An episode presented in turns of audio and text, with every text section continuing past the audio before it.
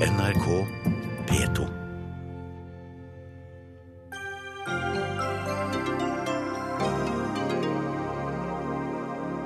Finansminister Siv Jensen. Kommunal- og moderniseringsminister Jan Tore Sanner. Den nye regjeringen møtt med hurrarop og applaus på Slottsplassen i formiddag. Vi skal møte et knippe av de nye statsrådene og snakke om noen av de kravene og forventningene de nå blir stilt overfor. Denne utgaven av Dagsnytt 18 skal i sin helhet dreie seg om de menneskene og de sakene som nå skal fylle regjeringskontorene.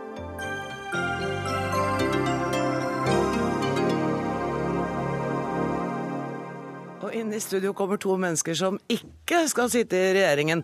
Fordi siden regjeringskollegiet allerede er innkalt til sin første regjeringskonferanse og er dypt nede i dokumentene, venter vi litt på statsrådsstrømmen hit til studio. Og skal starte med Elisabeth Skarsbø Moen og Magnus Takvam, henholdsvis eh, debattredaktør i VG og politisk kommentator her i NRK. Dere har hatt travle dager med å forsøke å finne ut hvem som skal sitte i denne regjeringen. Var det en litt sånn deilig forløsende følelse i dag, Elisabeth Skarsbømoen? Ja, det er jo en konkurranse dette her, vet du, mellom hvem som har best eh, inntak i regjeringsapparatet og kilder, altså mellom mediene da, ofte. Hvem hadde dere vant da? Nei, vi hadde alle, vi. Så, men det var mange eh, som hadde god kontroll denne gangen her, både NRK og også Dagbladet. Ja, Men du føler at det var eh, VG som vant denne gangen? Ja, vi følte det. Magnus Takvam, hvordan vil du karakterisere det regjeringskollegiet som Erna Solberg nå har samlet rundt seg?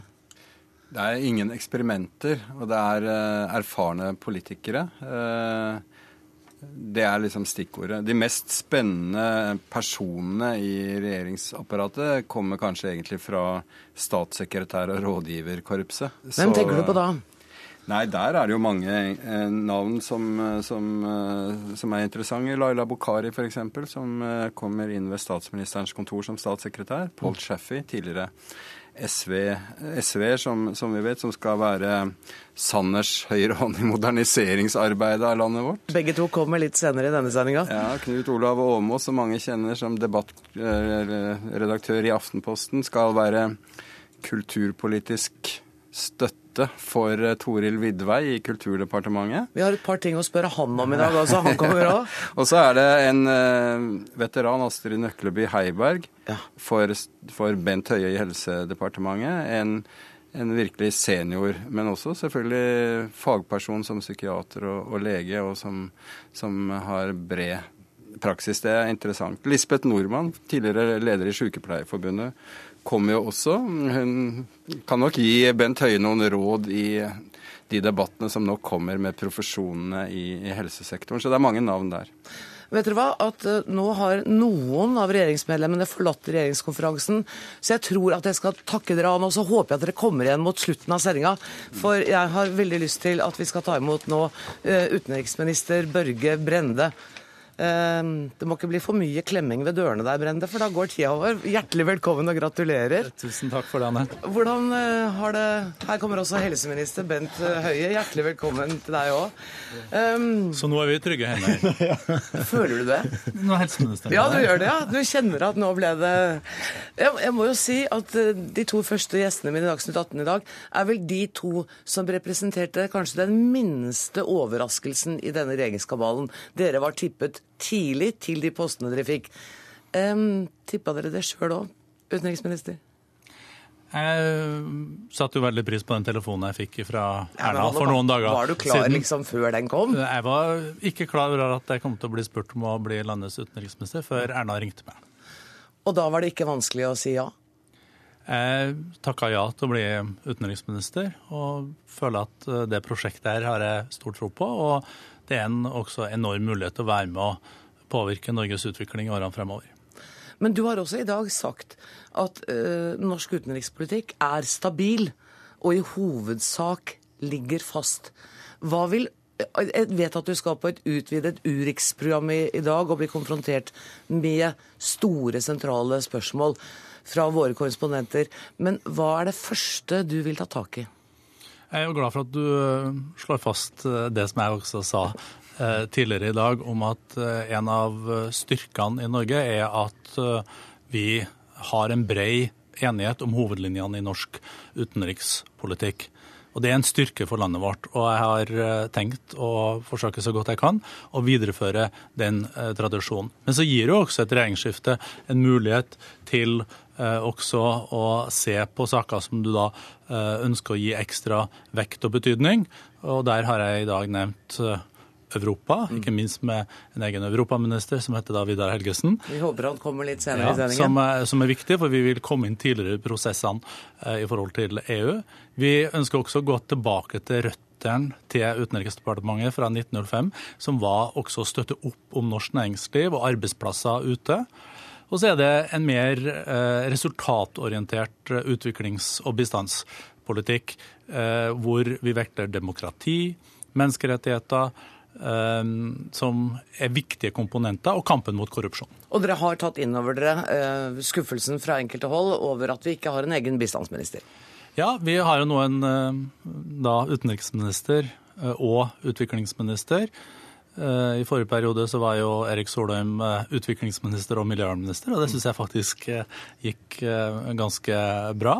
Han fikk jo miljødimensjon mer inn i utviklingspolitikken. Men jeg har stor respekt for at det kan være forskjellige syn på dette, men det som er det viktigste, er jo resultatene. Når pengene frem på en slik måte at det skaper utvikling i de landene, så tror jeg den interne fordelinga i UD er litt mer for feinschmeckere. Ja, og den har dere jo tre uker å behandle før dere skal legge fram et budsjett. Eh, Bent Høie, utenriksministeren slår fast at det er brei enighet i Norge om hovedlinjene i utenrikspolitikken. Det samme kan vel ikke sies om helsepolitikken? Nei, helsepolitikken eh, var jo et av de mest eh, sentrale og brennbare temaene i, i valgkampen. Eh, og befolkningen stemte fram et alternativ som er for fritt behandlingsvalg og er for å ta i større grad bruk private for å løse helseutfordringene. Men så er det jo òg viktig å si at det, veldig mye av det som også skjer i helsepolitikken, er det enighet om. Mm. Og eh, ikke minst så er det viktig eh, i dag å si at eh, det er altså tusenvis av mennesker som går på jobb hver eneste dag i helsevesenet vårt for å gjøre en fantastisk jobb for de pasientene som har behov for hjelp og behandling, og de aller fleste pasientene er, er fornøyd. Og Det er viktig å ha med seg inn i en diskusjon om at vi mener at det er en del ting som kan bli bedre. Akkurat den replikken med at de gjør en strålende jobb, det, det er Jonas Gahr Støres replikk. Jeg har vært fram til i dag. Hver gang du har kommet med kritikk, så har, så har det vært hans svar. Eh, så det er litt sånn snakk om å bytte roller. Har du sagt noe i dette studio eller i andre studioer i litt opphetede debatter som du nå tenker det der skulle jeg kanskje ikke ha satt, for nå sitter jeg her med makta? Nei, jeg har ikke sagt noe som jeg eh, treger på. Iallfall ikke som jeg kommer på nå. Og hvis det er noe, så kommer jeg nok til å bli minnet på det. Tror du? men, eh, men eh, fordi, og, der, og det var jo faktisk min ros til, til tidligere helseminister Jonas Gahr Støre i, i, i, dag. At han var en helseminister som bl.a. stilte opp i dette studio og møtte meg i debatter. Og det bidro òg til å få den helsepolitiske debatten fram.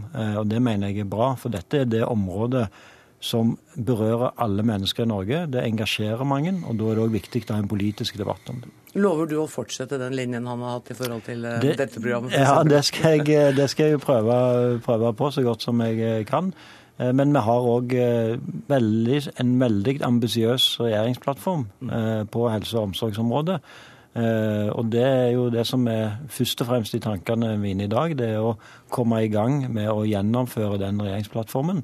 Eh, for det vil kreve veldig hardt arbeid eh, og mye innsats over tid. Det er imponerende at, at, du allerede er i gang med det. For jeg trodde at denne dagen kunne være en dag hvor dere fikk lov litt til å feire eh, dere selv. Kan dere lekke litt fra den eh, regjeringskonferansen? Var det hardt arbeid med en gang? Ja, det var det. Ikke og... ljug, du er utenriksminister. Nei, det var det, men det er jo fordi at Og det kom ikke som en overraskelse. Altså Erna Solberg er jo en no nonsense-politiker. Hun har sittet i regjering tydeligere og vet at uh, hver dag eh, teller. Og vi har mye vi skal få gjennomført. Så det var, uh, det var en businesslike atmosfære. Uh, men det er klart, på begynnelsen av dagen, da vi satt i, i da statsrådssalen i Stortinget, da var det jo Stemninga var jo ikke dårlig, men det, var, men det var også med stort alvor. Og når du da kjører opp mot Slottet, så du, tar du da alvoret eh, innover deg. For det er, jo, det er jo et veldig stort ansvar. Og det å gå ut fra Slottet og møte publikum Vi spilte av litt før dere kom. eh, Applausen og, og lykkeønskningene. Hvordan, hvordan var det å stå der? Nei, det var en uh, nesten uvirkelig opplevelse. Uh, det var det. Og uh, veldig utrolig hyggelig, selvfølgelig, at så mange hadde møtt opp og ga oss blomster, ga oss lykkeønskninger og var, var glad for at det var kommet en ny regjering. og det er selvfølgelig vi òg veldig takknemlige for, at, at en setter pris på det. det. Så det er de timene der, det er noe som vi skal tror jeg har med oss og så ta fram i litt tøffere, tøffere dager. Og ja, for jeg tror hverdagen kommer fort. Hverdagen har egentlig kommet med en gang. For det er klart at vi har nå veldig kort tid på oss mm. til å fremme en ny tilleggsproposisjon til Stortinget om statsbudsjettet. Og det, det vil kreve natt, dag og, og, kveld for oss i de nærmeste Og vil jeg komme til å se store endringer på det som gjelder helse og omsorg, når du har vært ferdig med din rødpenn? Ja, nå er det jo sånn at Det vil da være å betegne som budsjettlekkasje. Jeg visste jo det, men jeg må jo ha lov å prøve meg. Det, det, får du ikke vite i dag. da ses vi i dette studioet, i hvert fall om tre uker. Tusen takk for at dere kom, utenriksminister og helseminister. Vi skal Oi, vi skal, her står de i kø. Vi skal nå snakke om kultur, og jeg ønsker velkommen vår nye kulturminister Toril Vidvei. Hjertelig velkommen. Takk for det. Velkommen også til statssekretær Jon Almås. Nei, hva sa jeg? Det mente jeg Knut Olav Åmås, mente jeg. Det er litt mye folk, og der kommer Trine Skei Grande, som ikke sitter i regjering. Jeg begynner med deg. Var du litt lei for at Angra du i dag på at det ikke ble regjeringssamarbeid? Nei, jeg har faktisk helt ærlig ikke gjort det. Jeg lå, og, lå lenge og hørte nyheter og spiste lang frokost og tenkte at det er noen fordeler med å ikke være blant den gjengen som er veldig spent i dag òg. Så akkurat det har jeg ikke følt på. Statsråd Vidvei, hvordan reagerte du da du fikk telefonen? Var det ja med en eneste gang? Uh, altså det var jo litt overraskende at jeg fikk tilbud om denne posten. Jeg ble jo veldig, uh, veldig glad. Og veldig egentlig ydmyk med tanke på at det, det er jo en stor oppgave. Og det er jo overfor et fagfelt som jeg ikke sånn politisk har jobba med. Selv, selv, om jeg er kulturinteressert og har vært aktiv i kulturlivet sjøl gjennom et langt liv. Men så har så, du andre faglige kvalifikasjoner, bl.a. bred politisk erfaring. Ikke minst. Næringslivserfaring. Ja. Eh, og kultur var kanskje ikke det som sto høyest på dagsordenen til den regjeringen, eller? Jo, det tror jeg absolutt. Jeg syns vi har fått en veldig fin erklæring, eh, regjeringserklæring, som også har med veldig mange spennende eh, ting på kulturlivet. Så kan du si at De store linjene i kulturpolitikken de ligger nok fast. Det er, det er veldig veldig mye sånn ens, eller samstemthet politisk i Norge om kulturpolitikken. Men vi ønsker noen endringer, og det kommer vi til å iverksette. Vi ønsker å løfte f.eks. dette med, med, frivilligheten større fram i, i, politikken. Ja, for i går så sa uh, Birgitte Brekke, som er generalsekretær for Frivillighet Norge, at hun forventer at en ny kulturminister gjør hverdagen enklere for frivillig sektor. Og det vil vi. Og pluss at vi vil understreke at frivilligheten har en særskilt betydning i samfunnet vårt. Jeg er veldig uenig med Jens Stoltenberg og eh, Arbeiderpartiet, som sier at frivilligheten er et viktig supplement til det offentlige. Okay. Og det er ikke sånn at alle de tusenvis av mennesker som jobber med frivillighet, uegennyttig og ubetalt hver dag, er et supplement. Det er det som skaper bæring i samfunnet vårt. Det er det arbeidet som alle disse frivillige gjør, og det er veldig viktig å understreke. Det går ikke an å overse det faktum at du var nestleder i Tromsø-OL. Det er riktig. Jeg må bare spørre deg om Oslo-OL, jeg. Ja. Ja, Det vil du da selvfølgelig ikke få svar på nå. Nei. Men den saken ligger til behandling i, eh, i, departementet, og det skal man da kunne klare å komme eh, fram med, når, med en beslutning om når det kommer så langt. Knut Olav Åmås, du er en av to-tre statssekretærer som blir nevnt som de store overraskelsene. og Det har vært mye gratulasjoner og mye på Twitter i dag om at nå har Kulturdepartementet fått en en meget markert statssekretær. For eh, to dager siden i Aftenposten så skrev du Forhåpentlig vil budsjettet fra de borgerlige om noen uker ikke reversere den foreslåtte økningen til de rød-grønne, som for første gang bringer kultur opp på 1% av statsbudsjettet. Nå blir det bl.a. din jobb å sørge for at det går sånn, da. Ja, dette var famous last words, last words fra en uh, fri avisredaktør. Nå har jeg gått inn i en helt annen rolle. Så nå gleder jeg meg til å begynne å jobbe med budsjett. Og jeg syns det er fantastisk at vi har et uh, politisk system i dette landet som er så åpent at man uh, har rom for personer også uten politisk erfaring, som kan se politikken på andre måter. Og jeg tror det var Gro Harlem Brundtland som sa det en gang. Når man får et spørsmål om et slikt oppdrag som dette, da, da er det nesten en plikt som samfunnsborger å si ja. Så eh, det var overraskende at jeg fikk eh, spørsmålet, og er veldig, veldig glad for å kunne jobbe sammen med en eh, dyktig og erfaren politiker som Toril Vidvei. Mm. Du har jo sagt at uh, folkebiblioteket på Odda var ganske avgjørende for uh, din litterære interesse. Mm. Er folkebibliotekene redda nå? Vi vil aktivt se, se, nærmere på de kulturelle Eh, grunnmurer som bl.a. folkebibliotekene er i lokalsamfunnene. Og lokal kultur i det hele tatt har fått altfor litt oppmerksomhet de siste årene i, i det rød-grønne kulturløftet. Så det blir en viktig, viktig prioriteringsområde, fokusområde framover. Det skal vi begynne å se på. Og, og, også spørre, Vi vil ha kritiske kulturdebatter og spørre hva, hva er det vi vil med kunsten og kulturen, og hva slags rolle skal den spille i folks liv. Det er der vi må begynne. Vi må bygge nedenfra, som, som Toril Vidvei har sagt mange ganger i dag. Jeg er helt imponert. Du snakker om vi og oss, og du har vært statssekretær i seks timer eller noe sånt. Det er... Ja, det er en helt absurd dag. Det er, ja. Det er bare det. Snart jeg tilbake til en, en, en, en, politisk hverdag der vi skal skape politikken og ikke bare, ikke bare snakke. Det må ha vært en rar dag. Da Har du et langt Høyre-medlemskap bak deg? Jeg eh, meldte meg inn i går. Jeg har aldri vært medlem i noe politisk parti før. Nei, selv ikke i denne programposen kaller vi fra i går til i dag for et langt medlemskap. Torbjørn Røe Isaksen, eh, statsråd, eh, velkommen hit. Tusen takk. Og gratulerer. Takk. Du var den som jeg syns uttrykte størst ordentlig glede i dag. Du sa ja. jeg ble ordentlig glad. Ja, jeg, jeg blei ble virkelig ordentlig glad. det er, men det tror jeg alle de andre blei også. Men jeg, nei, jeg, jeg hadde ikke forventa da Erna Solberg spurte om jeg ville bli kunnskapsminister, så hadde jeg ikke forventa det. Hadde du venta næringsminister? Nei, altså det, det, jeg, egentlig så hadde jeg Jeg var usikker på om det i det hele tatt kom en samtale. Men, eh, men, eh, og jeg hadde blitt spådd til flere forskjellige poster, bl.a. Eh, den posten som Toril nå har fått, og det er veldig bra. Men jeg blei veldig glad for at jeg så veldig tett Altså jeg har jobba nå i fire år med arbeids- og sosialpolitikk. Jeg skrev en liten, bitte liten bok om det som heter Den onde sirkelen, ja. om hvordan folk faller utafor. Og første steget der, altså det første jeg begynte å beskrive, det var at veldig mange av de som man finner igjen seinere i livet på sosialstatistikken, på fattigdomsstatistikken, de takler ikke skolen. Eh, de går gjennom skolen uten at de får helt grunnleggende ferdigheter. Mange av de faller ut av videregående skole. De møter masse flinke lærere, men det er allikevel mange vi ikke klarer å følge opp.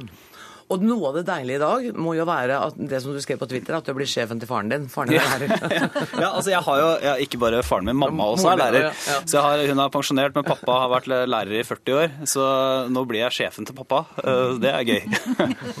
Hva slags um, undervisningsminister og skoleminister blir du? Det er veldig vanskelig å si. Eh, det er litt som eh, spørsmålet man har på foreldrekonferanser. Hva slags lærer har du? Er du mm. kamerattypen, eller er du den myndige strenge? Ja. Eh, jeg vet hva jeg har lyst til å være. Jeg har lyst til å være en minister som leder, som snakker opp et veldig viktig felt for Norge. Snakker om kunnskap fra barnehage til forskning. Men så har jeg lyst til å samtidig ta med meg noe som har vært viktig for meg de årene jeg har sittet på Stortinget, nemlig å lytte til innspill og faglige råd, ikke minst. Så er det ikke alltid sånn at alle innspillene, eller alle de som gir innspill, innspill vil få det som de vil. Men eh, jeg vil at de skal møte en minister som klarer å både lede og lytte. Mm. Trine Skei Grande, Torbjørn Røe Isaksen har vel fått den statsrådjobben som du kanskje hadde hatt lyst på, da? Før du da var glad i dag og hadde lang frokost og alt det der.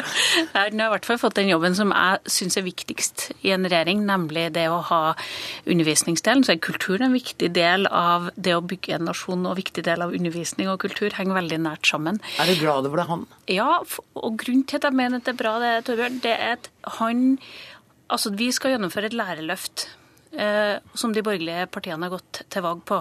Eh, jeg kommer til å henge leggen på den for å få gjennom det. Eh, og for å få til det, så må du ha lærerne på laget. Da må du kommunisere bra med lærerne. Og det han har bevist før, er at han klarer å kommunisere med fagforeninger. Og det å ha en god kommunikasjon med dem som skal gjøre jobben ute, er selve nøkkelen til å få det til. Og det, da er det sånn at når Høyre da skulle velge, så var det ikke så dumt å velge han. For jeg tror at vi har hatt mange Høyre-folk som har havna litt på kant med lærerorganisasjonene, men vi trenger en, en, utdanningsminister som faktisk skjønner hvor viktig det er å kommunisere med dem. Altså, det, det, kommer helt sikkert til å få litt kjeft også fra lærerorganisasjonene i løpet av den tiden jeg skal sitte, men men jeg tror det er veldig viktig det Trine sier. og Venstre har jo vært veldig opptatt av utdanning og forskning lenge, på samme måte som Høyre og Fremskrittspartiet er. Eh, men jeg tror at blant annet, la meg bare ta et eksempel. Vi har jo da snakket veldig mye om i valgkampen, alle de borgerlige partiene, et etter- og videreutdanningsløft. Mm. Og Da må vi være veldig flinke på å si at det er jo ikke fordi at norske lærere generelt er veldig dårlige. Nei, det er fordi at vi skal la gode lærere bli enda bedre. Og som på alle andre områder i livet, så trenger man da et faglig påfyll. Mm. På samme måte, når vi skal løfte forskningsinnsatsen, så er jo ikke det fordi at sektoren er eh, gold og det ikke skjer noe. Nei, vi skal løfte oss enda et hakk. Altså, vi er gode i dag, men vi kan bli enda bedre og er nødt til å bli det.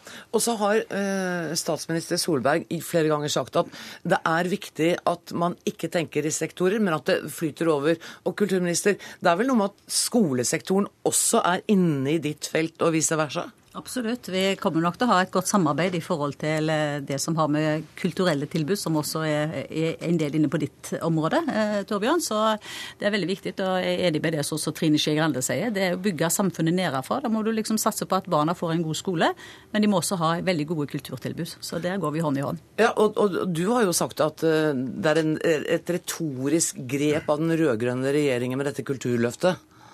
At det var et godt grep, at dere må liksom finne deres nå, da. Ja, og det har vi begynt å jobbe med i dag. Ja, Kan du lekke litt? Nei, vi har... Syns du det er litt tidlig? Litt tidlig, men vi har begynt å jobbe for fullt, og, og vi er i god gang.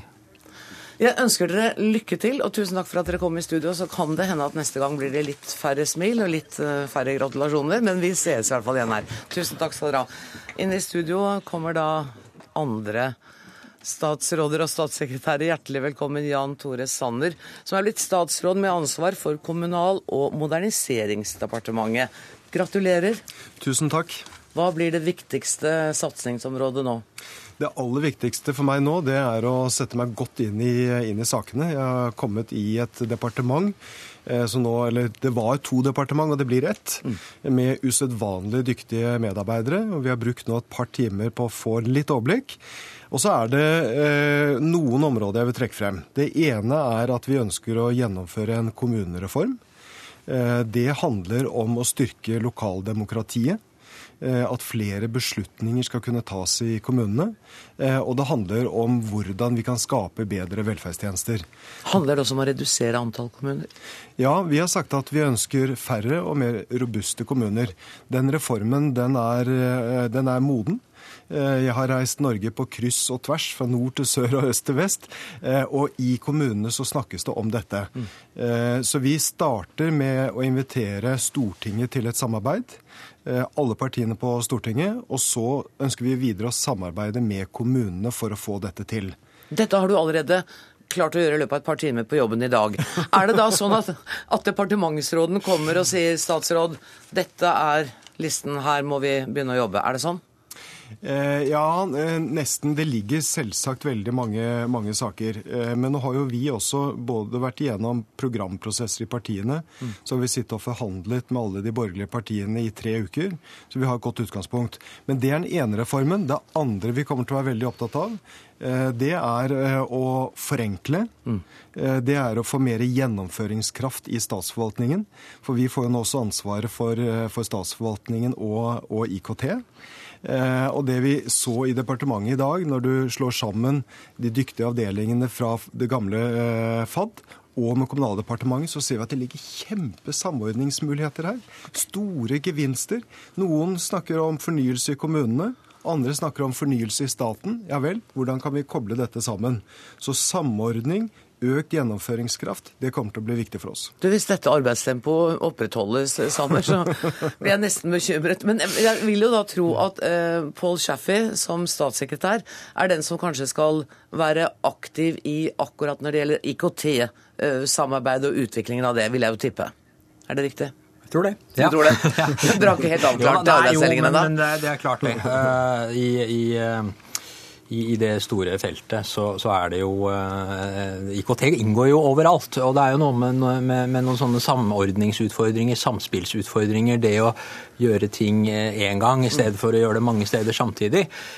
Som det er mulig å få gjort noe med fra et tungt departement som har ansvar for mye forskjellig, som, men, men, som må samarbeide godt med andre også. Ja, F.eks. IKT-problemene i politiet, lovdata, lovene som ikke kommer. Er, blir det også liksom ditt arbeidsområde? Noe av det jeg tror vi må se på, er hvordan man eh, samarbeider på, på, tvers av sektorene som er organisert i departementer, og forvaltningsnivåene, altså stat, fylke, kommune. Eh, og andre organisasjoner eh, for å sikre at eh, vi bruker ressursene så effektivt som mulig. Og det som er aller viktigst, er jo at de, de der ute, enten det er borgere, det er bedrifter, det er andre, opplever at tjenestene er gode. Det, det, er det viktigste, og jeg opplever jo at det er alle interessert i å levere. Ja. Sånn at dette her kan bli veldig bra. Det er mange som etterlyser endringer. Og, og, og, og da det skal de jammen få. Ja, men noen ganger kan ønskene gå i litt ulike retninger, og da, og da, gjelder det å ta noen beslutninger også. Du, jeg må være litt personlig med dere, for dere må ha kjent hverandre i ungdommen. Da dere leder, altså Sanner var leder for Akershus Unge Høyre. Eh, du var leder for SU, og det var omtrent på samme tid, ved slutten av 80-tallet. Møttes dere den gang i debatter? Ja da, det gjorde vi. Er det derfor du har plukka Men jeg må få lov til å si at første gang jeg traff han, så var han i, i Liberale Folkeparti. Ja, han var innom der et ja, kvarter. Også, men eh, det, som var, det, som var, morsomt, var jo at vi var jo sammen på skolemøter. Eh, Pål fra SV og jeg fra, fra Høyre, eller Unge Høyre. Eh, og vi fant tonen allerede godt da. Jeg husker Vi satt bl.a. på skolemøte på Valler, og så lente vi oss litt tilbake og satt vi ved siden av hverandre sånn som dette her. Og så sa vi at eh, skal vi dele salen oss imellom? Eh, og så gjorde vi det. Gjorde du det? Ja, han, ja, jeg tror han fikk 40 og jeg fikk 40. ikke sant? Så har vi holdt kontakten senere, og jeg må si at jeg har utrolig respekt for den jobben som Pål har gjort helt tilbake i tid, også som stortingsrepresentant. Stort engasjement for Eh, for, for, både Europa og i utenrikspolitikken. Men særlig nå i Abelia, som er eh, kunnskapsbedriftene. Eh, og det, det var viktig for meg å få den kompetansen med på, på laget. For fornyelse, IKT, gode tjenester til befolkningen, det handler om kompetanse. Så Derfor er jeg veldig glad for å få han med. Og Sjefi, du er jo klar over at du må slite litt en stund med den der fortida di med åtte år på Stortinget for SV? Ja, den ja. blir ikke borte. Den gjør ikke det. Eh, nei, og, og, men, men, det gir jo en anledning da, til å forklare eh, hvorfor jeg mener at eh, de tingene jeg er opptatt av nå, er viktige. No, noen områder har jeg jo på en måte skrevet meg ut av, av historien i den forstand at jeg har beskrevet hvorfor jeg har skiftet syn. Ikke sant? Og det er jo 16 år siden jeg gikk ut av Stortinget, sånn at jeg har i og for seg eh, forandret syn for en stund siden. Og så må det jo være litt deilig å ha en uh, sjef som du kjenner godt. Ja, ja, ikke sånn privat, nei, men vi har møtt hverandre. Vi, ja. vi, men, men, det vil jeg også si at vi, vi, har jo nå Det er jo en ledelse i departementet med, med, mange kompetente folk fra andre steder i landet også. Sånn at det er, det er summen av dette som jeg tror blir veldig bra. Ja, og det, og det, er også viktig for meg å få frem, for jeg, for jeg kommer jo fra en stor kommune eh, i Akershus. Eh, og Derfor har jeg også plukket eh, med meg dyktige folk fra, fra resten av landet. Eh, jeg har bl.a. Jarda Jensen, som er ordfører i Evenes. Mm. En liten kommune i, i Nordland. Og det, det, er, det, er, viktig for meg, for at vi skal sørge for gode tjenester og god forankring i, i hele Norge. Jeg har faktisk med meg tre nordlendinger. Så dette er også en politisk ledelse som, som, har bredde i seg. Og vi kommer til å bli kjent med dere alle sammen. Tusen takk for at dere kom i studio. Inn kommer statsråden i den nyopprettede stillingen. Du er altså velkommen, Vidar Helgesen. Du er stabssjef ved statsministerens kontor. I tillegg så er du statsråd eh, for EØS og europaspørsmål. Og det jeg la merke til i dag, gratulerer forresten, Tusen takk. det var at har du fått nøkler både til statsministerens kontor og til Utenriksdepartementet? Ja, teknisk sett har jeg ikke fått nøklene. Nei, nei, for jeg så at Espen Barth Eide sa at den gjaldt egentlig bare i dag. Det var et bilde av Espen der, og han fikk det tilbake. um, men jeg tror han leverte det inn igjen. Ja. Nei, det, det, er altså en um, rolle som kombinerer uh, arbeid som skjer i Utenriksdepartementet med europaspørsmål, og arbeid som skjer i alle de andre departementene med europaspørsmål. Så dette er en forlengelse, eller det er en en del av det som Erna Solberg har sagt om at det må ikke være sektortenkning, det skal flyte over i hverandre. Det er helt presist. Hva blir den viktigste oppgaven din? Det blir å sørge for at vi eh, får mest mulig ut av alle de som sitter og jobber med europaspørsmål. Det er jo nå sånn at uh, norsk utenrikspolitikk begynner med Europa. Det er der vi holder til. Uh, men også mer og mer av norsk innenrikspolitikk begynner i Europa. Og uh, alle departementer har mye aktivitet opp mot EU. Men de har nok ofte blitt overlatt til seg selv i det arbeidet. Og det vi ønsker å gjøre, er å ta en mer strategisk tilnærming og samtidig på basis av en, et ønske om å fremme norske interesser eh, være tidligere ute i viktige EU-lovgivningsprosesser, sånn at norske synspunkter blir hørt. Vi er ikke medlem. Eh, det gjør jo at det blir mer krevende, men desto viktigere at vi eh, kommer ut av startgropene i tide. Men du, jeg så i dag at EU har gratulert Erna Solberg som ny statsminister i Norge, og håpet på et tettere samarbeid. Er jobben din nå egentlig å tråkke opp en løype for enda en EU-avstemning i Norge? Nei, det er det ikke. Vi er veldig klare på at det er EØS-avtalen som er grunnlaget for Norges forhold til EU. Mm. Uh, og den og alle andre avtaler vi har, Schengen og andre avtaler, er viktige plattformer for oss for å fremme norske interesser. De er viktige plattformer for å ha møter Eh, med EU for å eh, etablere kontakt, skape tillit, eh, mer aktivitet i forhold til EU. Og det vil tjene norske interesser uansett om vi om noen år får en medlemskapsdebatt eller ikke. Nå arbeider du altså ved statsministerens kontor. Forrige gang du var statssekretær, så var Jan Petersen utenriksminister. Det var fra 2001 til 2005. Ligner disse jobbene litt på hverandre? Det jeg prøver å si er, Var det litt som å komme hjem i dag? Eh, å komme hjem til UD var jo et møte med mange kjente folk. Eh, folk jeg kjenner fra, fra, eh, tidligere.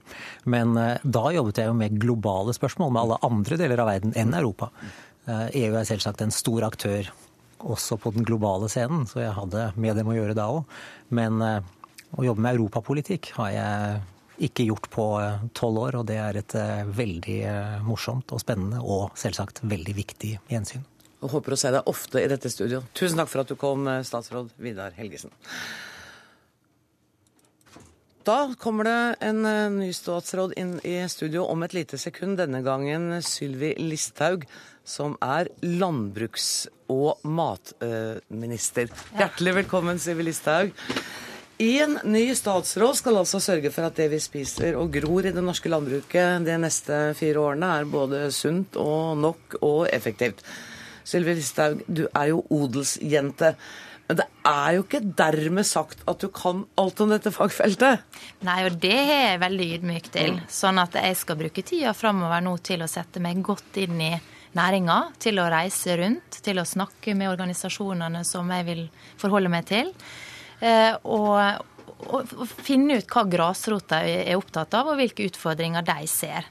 Sånn at eh, jeg gleder meg veldig til eh, tida framover og syns dette er et kjempeviktig og spennende område.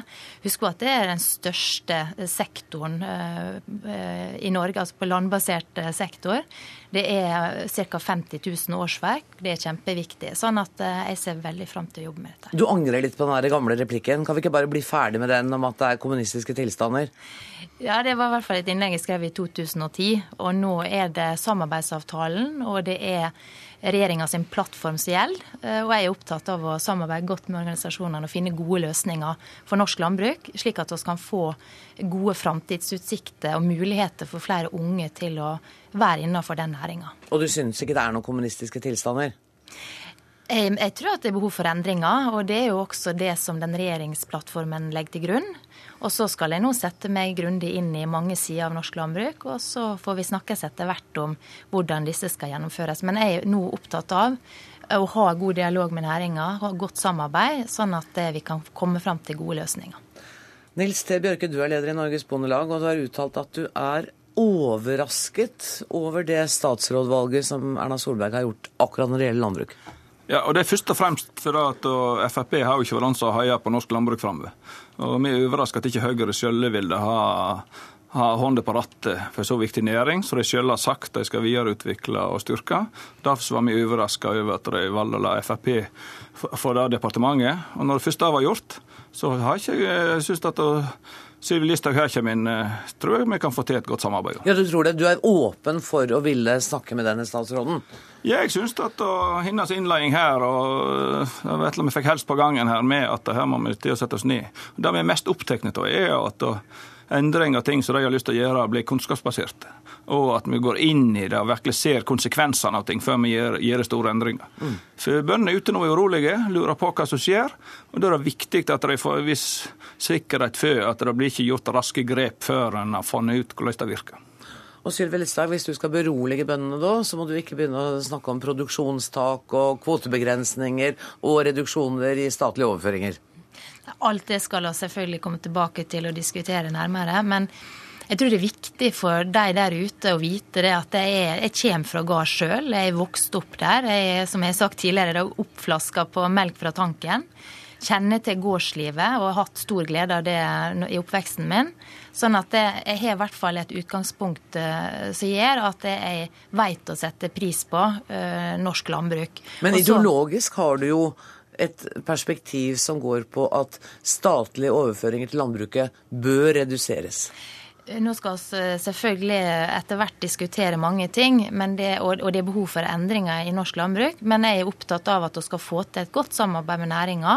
Og jeg er opptatt av at vi skal skape optimisme i landbruket, eh, sånn at flere unge i Norge ønsker å overta gårdsbruka. Ja, det sa du. Men hvilke endringer ser du for deg? Nei, altså det, De endringene som vi skal starte med, det er jo basert på samarbeidsavtalen og det er basert på den eh, regjeringsplattformen som ligger. Men først er jeg opptatt av å komme meg rundt i landet, hilse på folk, snakke med folk, få innspill fra grasrota på hvordan de ser verden, hva er utfordringene. Og så skal vi etter hvert eh, komme med forslag til hvilke endringer som skal gjøres. Vil budsjettet som dere skal legge fram om snaue tre uker, bære preg av eh, FrPs syn på landbrukspolitikken?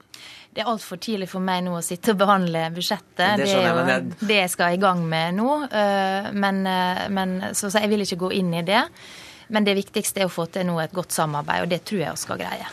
Bjørke, du sier at du er eh, åpen for samarbeidet, selvfølgelig med denne statsråden. Men det er vel visse ting dere vil sette foten hardt i bakken på?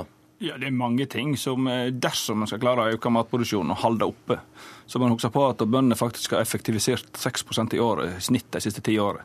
Mange familier, bondefamilier har investert store beløp for å være i næringen. Og Vi er avhengig av at de har eh, en levegrunnlag framover. Men er det ikke sånn at vi også har en bekymringsfull stor nedlegging av eh, gårdsbruk? Ja, og vi skal være villige å se på endringer. Men da må man iallfall sitte for at ikke det fører til raskere nedlegging. Men at de faktisk Jeg Vi er jo glad for å si at hun vil at ungdommen skal inn og satse, men da må det være langsiktige rammevilkår. Og de må vite at en kan faktisk ha betalt for å produsere mat, eller så vil ungdommen andre løsninger og andre ting å gjøre. Og norsk landbruk klarer du aldri å ha uten at det er et politisk vilje og et politisk landbruk. Og langsiktige og forutsigbare rammevilkår, det er vel statsråden interessert i å gi landbruket? Ja, nå skal vi eh, sette i gang arbeidet med å gjennomføre de endringene som står i regjeringsplattformen. Eh, og jeg tror at det er behov for endringer. Mm. fordi at nettopp som du var inne på, så har det vært lagt ned gårdsbruk i stor stil gjennom veldig mange år. Eh, sånn at det er behov for å se på endringer som gjør at vi kan få et kanskje mer effektivt og, og en sektor der det går an å utvikle enda mer eh, eiendommen sin. Takk for at dere kom i studio, og lykke til med samarbeidet. Jeg er helt sikker på at vi kommer til å møtes igjen. Takk skal dere ha. Nå skal det dreie seg bl.a. om uh, miljø, for uh, Tine Sundtoft fra Høyre var navnet som fikk regjeringskabalen til å gå opp i går kveld, da hun ble bekreftet som den neste klima- og miljøvernministeren. Hun får nå ansvar for et av politikkområdene som ikke ikke er blant Solberg-regjeringens åtte viktigste satsingsområder. Hjertelig velkommen, statsråd. Hyggelig å ha deg i studio. Tusen takk. Var det i går du fikk telefonen? Nei, den fikk jeg i slutten av forrige uke. Du har vært veldig tett, da? Jeg har vært pottetett. Til og med mine to barn på 12 og 14 år har klart å holde tett i flere døgn. Så vi kjørte innover i går. Vi dro fra Lillesand klokka 15.17 og var fornøyd å komme oss vekk, for vi begynte å skjønne at noen var på jakt. sånn. Så vi liksom passerte innover. Først da jeg kom til Sandvika, at det begynte å eksplodere. Og da fant jeg ut at da var vel bare å gjøre seg litt utilgjengelig. Og det klarte du? Det klarte vi. Eh, du kommer altså fra jobben som eh, fylkesrådmann i Vest-Agder fylkeskommune. Du har vært regiondirektør i NHO Vest-Agder i ti år. Du er utdannet siviløkonom fra Handelsskolen BI. Hva gjør deg egnet til å være miljøvernminister, når jeg leser opp den CV-en der? Jeg har eh, et kvart århundrets erfaring med lokalpolitikk, interessepolitikk og som fylkesrådmann. Og har jobba mye med praktisk miljøpolitikk de siste årene i fylkeskommunen. Vi har ansvaret for eh, kulturminnevern, vi jobber mye med friluftsliv. Vi jobber mye med areal- og transportplanlegging. Vi har eh, også jobba nå mye med å få fornybar energi opp på dagsorden. Jeg har fulgt eh, prosessindustrien i landsdelens arbeid med å redusere mye mer med å bruke mindre energi. Så jeg har vært ute i praksisfeltet og sett hva, hva som virker. Og det er en erfaring som helt sikkert kommer til å komme godt med. Tord olje- og energiminister, det høres ut som du kommer til å få et tett samarbeid med miljøvernministeren, som er opptatt av fornybar energi. Det er helt, eh, helt, rett. og Det er vi avhengig av. Skal vi lykkes med de ambisjonene som vi har eh, fått i oppdrag å lykkes med i, i Sundvolden-erklæringa, så er det vi er avhengig av at Miljøverndepartementet og Olje- og energidepartementet samarbeider bedre enn tilfellet har vært under eh, Stoltenberg. Ja, for Det er ikke noen tvil om at ditt departement har et større fokus enn man har hatt på miljø. Miljø var jo faktisk ikke nevnt i den eh, første felleserklæringen at mitt departement har et ansvar for miljøet? Nei, men at, at det er større vektlagt ditt departement. Oljeenergi er mer vektlagt fra denne regjeringen enn miljøet har vært. Fornybart, eh, Å produsere mer fornybar energi i Norge er åpenbart en del av eh, klimaløsningen. Eh, men klimaambisjonene ligger først og fremst eh, på Miljødepartementet sitt. Eh, ja, det er jeg klar over. Men jeg tenkte på det overordnede politiske vektleggingen. Så har altså miljø ikke vært av de tingene som har stått høyest opp på dagsordenen for denne regjeringa, mens ditt departement har det. Sundvolden-erklæringa er jo ganske tydelig på at man ønsker å produsere mer fornybar energi. Og så får miljøvernministeren svare for klimapolitikken til regjeringa. Hvor sårt er det for eh, Fremskrittspartiet at eh, det ikke blir noe utredning av Lofoten Vesterålen? Det er klart at det var eh, en av de kamelene vi var nødt å spise for å sikre et, sikre et bredt flertall i Stortinget for en regjeringserklæring som ellers er svært god, svært offensiv, også på petroleumspolitikken. Men er den svelget, eller er dere villige til å dra den ut og heise den opp og si vi gjør en runde til, og vi vil egentlig forsøke? Sundvolden-erklæringa eh, og samarbeidserklæringa ligger, ligger fast, selvfølgelig. Nina Jensen, generalsekretær i WWF. Her hører du altså to statsråder som sier at fornybar energi er blant noen av de feltene. Både olje- og energiministeren og miljøvernministeren sier dette. Og det ligger fast at det blir overhodet ikke noe utredning om, eh, om, olje og gass på eh, Lofoten og Vesterålen. Er du fornøyd nå? Det er jo musikk i våre ører, selvfølgelig, og en veldig god start, tenker jeg, for, for, en ny olje- og energiminister. Det viser jo at han faktisk ønsker å vektlegge i mye større grad energidelen av jobben enn oljedelen, og det er høyst nødvendig. Vi trenger jo en storstilt omlegging fra det fossile til det fornybare samfunnet. Og vi vet at et 100% fornybart samfunn er mulig. Her ligger det store muligheter for Norge. I vår levetid? Absolutt. Mm -hmm. Innen 2050, med dagens teknologi og selv med økende energibehov.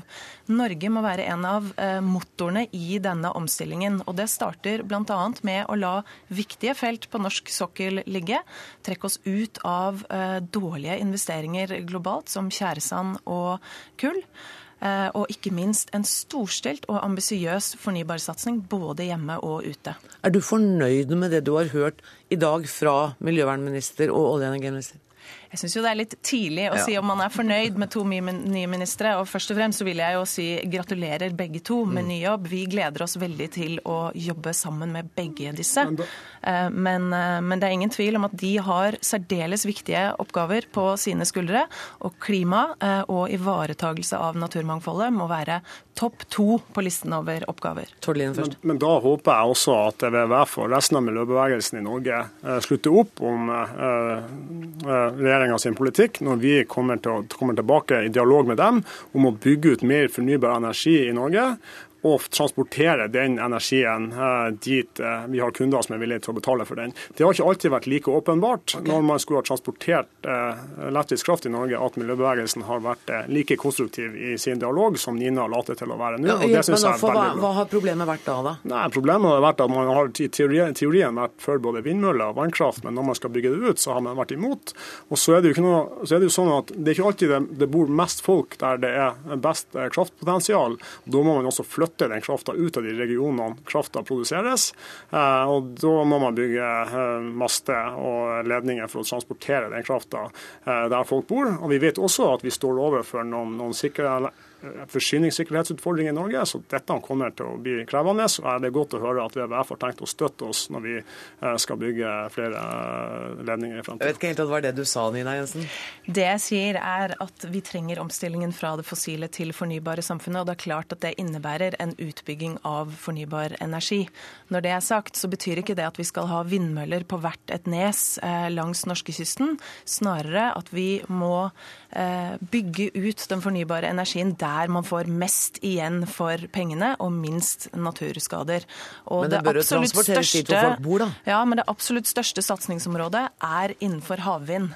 Der har man stort potensial for energigenerering, og det er klart at denne kraften skal ikke eh, bli igjen i Norge, men den skal transporteres eh, bl.a. til kontinentet for forny eh, fornybar forsyning. Vi skal ikke gå, statsråd, med all respekt, vi skal ikke gå inn i den. Dere kommer til å få mange invitasjoner fra meg til å diskutere dette, men jeg har lyst til å spørre klimastatsråden. Ehm, dette med det menneskeskapte eh, klimakonsekvensene, det har det vært en del diskusjon om.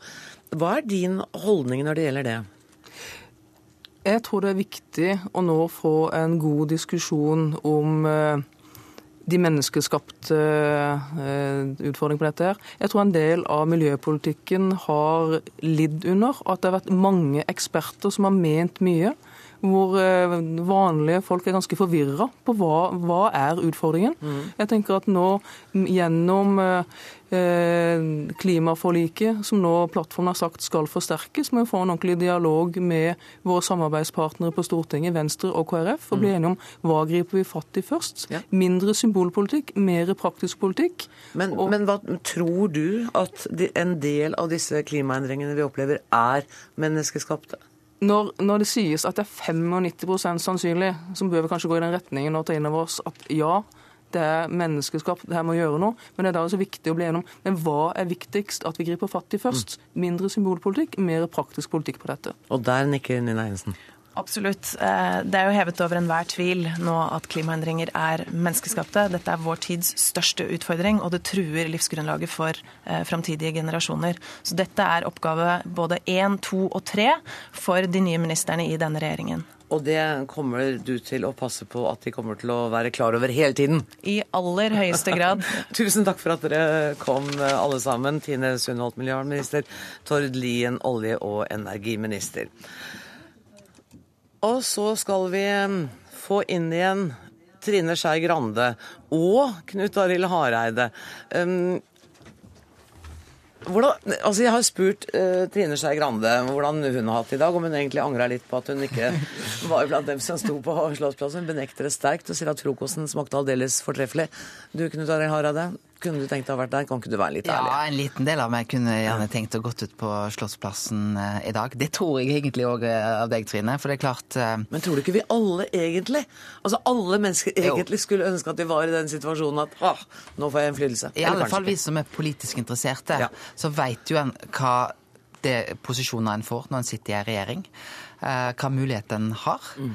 Eh, og, eh, og, på en sånn dag som dette, så er det klart at en liten del av meg hadde gjerne sett at det var en del av en regjering. Så tror jeg at eh, det valget som vi til slutt landa på, vi fire partiene, det vi ble enige om, tror jeg er en veldig god løsning. Og jeg tror Venstre og KrF er særdeles godt fornøyd med det valget vi har gjort. Men vi skal være konstruktive, og vi ser fram til et samarbeid. Og det er jo en, må jeg si, en flott gjeng som har kommet ut av med betydelig kompetanse. Så jeg ser fram til å samarbeide med de. Det er mulig at jeg nå begynner en digresjon, men kan jeg ikke bare få avklart noe? For jeg, så at, eller jeg leste at dere skal ikke samarbeide aktivt med regjeringen om budsjettet de neste tre, tre ukene. Det skal legges fram i Stortinget, men dere skal få se det først. Hvorfor er det ikke sånn at dere går inn i den prosessen og påvirker det i henhold til den forhandlingsplattformen som dere hadde? Nei, Enten så setter man i regjering, eller så setter man ikke i regjering. Okay. Man setter nesten i regjering. Og Jeg har bare lyst til å svare litt på andre. Altså, selvfølgelig... Men kan ikke du svare på det først, Jo, for- men er det det det hele svaret? Med, fordi Ja. at jeg, jeg mener jo at Poenget for oss politikere er å ha mest mulig makt. Mm. Og Grunnen til at jeg ikke syns det var noe sårt å ikke stå der i dag, var at jeg tror at jeg har mer påvirkning på Venstre sin del med å sitte på Stortinget enn det vi har hatt som Det har vi kanskje vært maks tre statsråder som har gått ut der da. Nå føler jeg at jeg har ni stykker i en stortingsgruppe bak seg som skal jobbe på de ulike feltene, og som hele tida får vise Venstres primærstandpunkt. Det føler jeg meg mye tryggere på at vi skal klare å gjøre en god jobb på. Og det er sånn at Nå setter vi oss ned med, med Stoltenberg sitt budsjettforslag, og vi lager vårt alternativ. Da får vi lov til å vise primærstandpunktene våre hvis det er å lage et rent venstrebudsjett. og folk sett hva det var. Og så skal vi forhandle med regjeringa når de legger frem sitt. Og hvis det er sånn at Siv Erna ringer oss og spør om hva som vil dere velge det eller det, så svarer vi selvsagt på spørsmål. Men jeg syns det er viktig at vi skal få muligheten til å vise Venstre sitt primærforslag, hvordan vi satser på kunnskap og miljø, og hvordan vi skal lage et alternativt eh, program, og det, det er det som er fordelen med å være utafor, at du da får muligheten til å vise det. Det der var veldig opplysende for en litt kunnskapsløs journalist.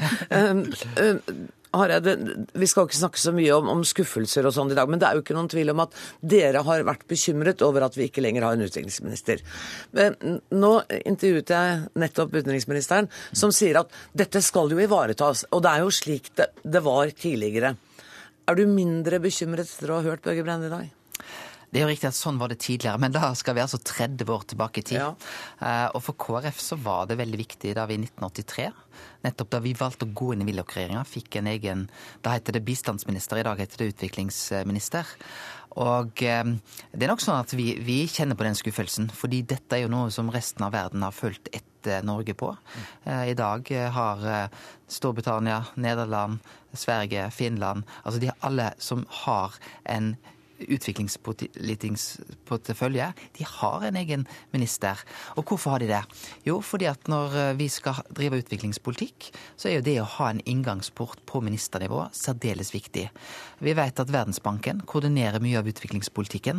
Der er det sånn, der er det bare ministeren som får komme inn i styret, ha talerett der. Der nytter ikke det å sende en statssekretær. Så det ligger et betydelig ansvar. eh, Og gleden i dag er jo at det er Børge Brende Høyre har valgt. Eh, Når Høyre skulle velge, så syns jeg de har valgt absolutt på øverste hylle når det gjelder vår nye utenriksminister, som òg har et brennende engasjement for verdens fattige. Han har stor internasjonal erfaring. Og jeg eh, er spent på ah, og er sikker på at han kommer til å følge opp dette, men jeg tror jo det ville vært riktig å ha en egen eh, utviklingsminister. All erfaring har vist det. Og jeg tror det er noen søsterparti til Høyre i dag eh, i Sverige eh, eller i Storbritannia som er litt forundra over det som har skjedd. Og det kan jo hende at man forandrer og dette- ombestemmer seg, ikke sant? Altså Absolutt. Dette er jo noe som regjeringer kan eh, for så vidt endre med når som helst. Det er bare å sette inn en utviklingsminister. Så har jeg lyst til å si det, det er mye positivt med dagens regjering, men det er klart, alle som kjenner KrFs historie, vet at for oss er nettopp dette en viktig post. Eh, Hvilke områder har dere størst forventning til? Jeg sier dere, og så ser jeg på Da kan du svare først, Trine Skei Grande. Nei, det er en av de tingene som du hadde inn som tema nå, nemlig å få gjort noen ting i forhold til klima- og miljøpolitikken. Der vi jo i målsettinga og i en del konkrete tiltak i det som vi har blitt enige om, og det som også regjeringa la frem etterpå, eh, som der vi kan komme veldig mye lenger enn den regjeringa som nå har gått i dag. Det har jeg forventning om at vi skal klare. Og der det er tror du det at de vil høre på deg? ja, jeg tror, altså Vi kommer til å henge i leggen på dem. Det Det er derfor vi har valgt at Ola Elvestuen skal lede energi- og miljøkomiteen, for det er en av de viktigste områdene for oss. Og det andre er den debatten som jeg var med sist, Ja. nemlig kunnskapsfeltet. Eh, At vi får gjort et skikkelig lærerløft, men også det som jeg er litt bekymra for ut fra formuleringene i både regjeringsplattformen og, og uttalelser ellers, at man får en skikkelig forskningssatsing. For den er jeg redd for har, har forsvunnet litt bak lærerløftet, og det er veldig viktig at de to blir gjort samtidig. Hareide, du får 15 sekunder av meg. Ja, jeg syns kunnskapsfeltet Jeg har veldig tro på Torbjørn Røe Isaksen inn i den uh, posisjonen som, som, som, ligger der, som en uh, veldig viktig punkt. Så syns jeg òg det å løfte opp sårbare grupper Her er det regjeringa sier i sin plattform veldig bra. Vi må se til at det ikke bare blir ord, men virkelighet. Og det handler bl.a. om rusomsorgen, ikke sant? Rus, det handler om psykiatri, det handler om de som ikke har sikkerhetsnett. Uh, altså løfte opp de som I et samfunn der de aller, aller fleste har fått det mye bedre, så er det dessverre sånn at òg mange faller utenfor. Tusen takk, Trine Skei Grande, Knut Arild Hareide. Inn kommer eh, våre kommentatorer som ble brutalt kastet ut uh, helt før åpningen av, uh, av sendinga fordi det kom statsråder. og Av en eller annen grunn syns jeg det var viktigere enn å ha dere her. Hva, har dere rukket Jeg ser det ute i venterommet at det har vært mange mennesker og mye prat. Har dere rukket å få med dere noe av dette, eller? Absolutt. Det blir, ja da, det har vi. Vi har fått med oss samtalen her, og vi har kanskje fått enda mer informasjon på bakgrunn Ja, okay, kom, bring it on! Nei, Som vi forstår, i alle fall, så er det snakk om at uh, man har jo fått en, for en ny politiker som skal, Laila Bukhari, forfatter, ja. som jeg var inne på i stad, og, og, forsker, som skal ta seg av eh, sikkerhetspolitikken, altså være en sikkerhetsrådgiver på det politiske planet. Men det er nok også snakk om å opprette her en, en byråkratistilling, som du forstår det, en, en, nasjonal sikkerhetssjef på statsministerens kontor, som vil bli interessant da, etter hvert. Så det blir interessant å se hvem, hvem det skal bli. Ja. Ellers så syns jeg debatten her om utenrikspolitikken er interessant. Det må jeg si, fordi at det er jo vært en omlegging av norsk utenrikspolitikk i retning av interessepolitikk, og der man nå sier at bistandspolitikken bare er utenrikspolitikk med andre virkemidler. Og Bjørge Brende vet det godt, som kommer fra Statoil-styret og, og var med og opplevde det i Namenas f.eks., der vi viser hvordan politikk og norsk næringsliv ute henger sammen. Så der vil det bli en markert forskjell? Nei, det blir bare en utvikling av samme, ja, men det blir en oppfølging av samme linje, slik jeg opplever det. Magnus Takvam. Ja, Det var jo den siste runden. Altså Én ting er regjeringen og øh, bemanningen av den og dens politikk, men alle vet jo at øh, de må ha flertall i Stortinget, og det var jo nettopp det som den siste runden handler om. Så jeg tror nok en del av forklaringen på at øh, Erna Solberg har valgt trygge folk, erfarne folk i regjering, nettopp er den spesielle situasjonen med å være en mindretallsregjering på fløyen i Stortinget. For det blir en spennende prosess hvordan de skal lose sine forslag gjennom med Venstre og KrF. Ja, for denne regjeringen mangler jo helt eh, de politisk uerfarne fargeklattene som vi så da Torbjørn Jagland dannet regjering. Er, er det noen grunn til å Ja, det var vel en erfaring som jo, jo, gjorde hele det politiske Norge klokt, tror jeg. ok, Men det var jo moro da det sto på? Ja, det var artig å være journalist, men ja. Eh, det skal, regjeringen og styret landet skal vel først og fremst ikke være underholdning. Så Nei, jeg tror så vi, vi skal være fornøyd. Vi savner, ikke, vi savner ikke det? Nei. Men det er jo, og, det er jo helt, som, som Magnus er inne på her, helt nødvendig. fordi at eh, det er, blir en utfordring for eh, Erna Solberg. dette. Hun har fått med seg det blåeste partiet i regjering, mens de to andre sitter i Stortinget. Og den regjeringa som sitter nå, er jo egentlig ikke den velgerne ba om, for velgerne stemte mye mer mot sentrum. Slik at eh, her må hun manøvrere veldig godt og klokt for å få, eh, sin, få flertall bak politikken sin, og det tror jeg kommer til å bli veldig utfordrende. Etter hvert, f.eks. når vi nærmer oss fylkestings- og lokalvalg, og KrF og Venstre ønsker å begynne å posisjonere seg igjen. Så er det også selvfølgelig den dimensjonen som eh, er åpenbar, at Frp for første gang er i regjering eh, her i landet. Og den historiske dimensjonen ved det, og det at Siv Jensen, som den eh, forrige, skal vi si, fløypolitikeren som kom inn i regjering, Kristin Halvorsen fra SV, gikk inn i liksom maktens sentrum. Den, det, det skiftet fra å være et systemkritisk parti som SV gjennomførte, og som nå da Frp også gjør, å gå inn i kjernen av av maktens sentrum i regjeringen. Det blir, blir spennende. Og Jeg merket meg jo i dag også hvordan vår nye finansminister snakker med stor respekt om byråkratene i Finansdepartementet, om deres kompetanse, om deres lojalitet, og gleder seg til samarbeidet. Det har jo ikke akkurat vært Fremskrittspartiet aktivt tidligere. Jeg har vel hørt noe som ligner på skredderøkonomer eller sånn for noen år siden. Så nå, nå, nå Alle merker jo selvfølgelig at det har, det har skjedd et, et skifte i retorikk fra FrPs side. De erkjenner liksom de, realismen i det å sitte i regjering, samarbeide med andre partier. Og så spørs det hvordan eh, partiets velgere oppfatter det når tiden går. Og Jeg tror nok kanskje en del i Høyre i sitt indre håper på at dette skal alminneliggjøre Frp og ta vekk noe av den attraktiviteten de har hatt som en mm. konkurrent til Høyre. Men det får vi se på. Hvor, hvor lang fredningstid er det rimelig at den nye regjeringen får, Skarsbergmoen? Nei, skal vi ha fredningstid for regjeringen? jeg syns vel en sånn ting er en, eh, en uting. Nei, når man har tatt over makta, så er man eh, i gang, så da må journalistene gå løs. det er ikke sånn at man venter nå i tre uker til. Nei, det tror jeg ikke vi gjør, nei. Nei. Da, da, er vel dere i gang allerede? Kan vi vente noe oppsiktsvekkende i løpet av kvelden? Vi har ikke noe på gang akkurat nå som jeg vet om, i hvert fall. Men det skal vi aldri se bort fra at det fins. Jeg tror de fleste syns det er greit med en kort liten pause nå etter, ja. etter at valgkampen er ferdig og har fått disse folkene på plass. Så, så, får vi ta et par dagers pause til, til vi ser på budsjett og nye utspill. Dagsnytt 18 er i hvert fall slutt. Takk for at dere kom.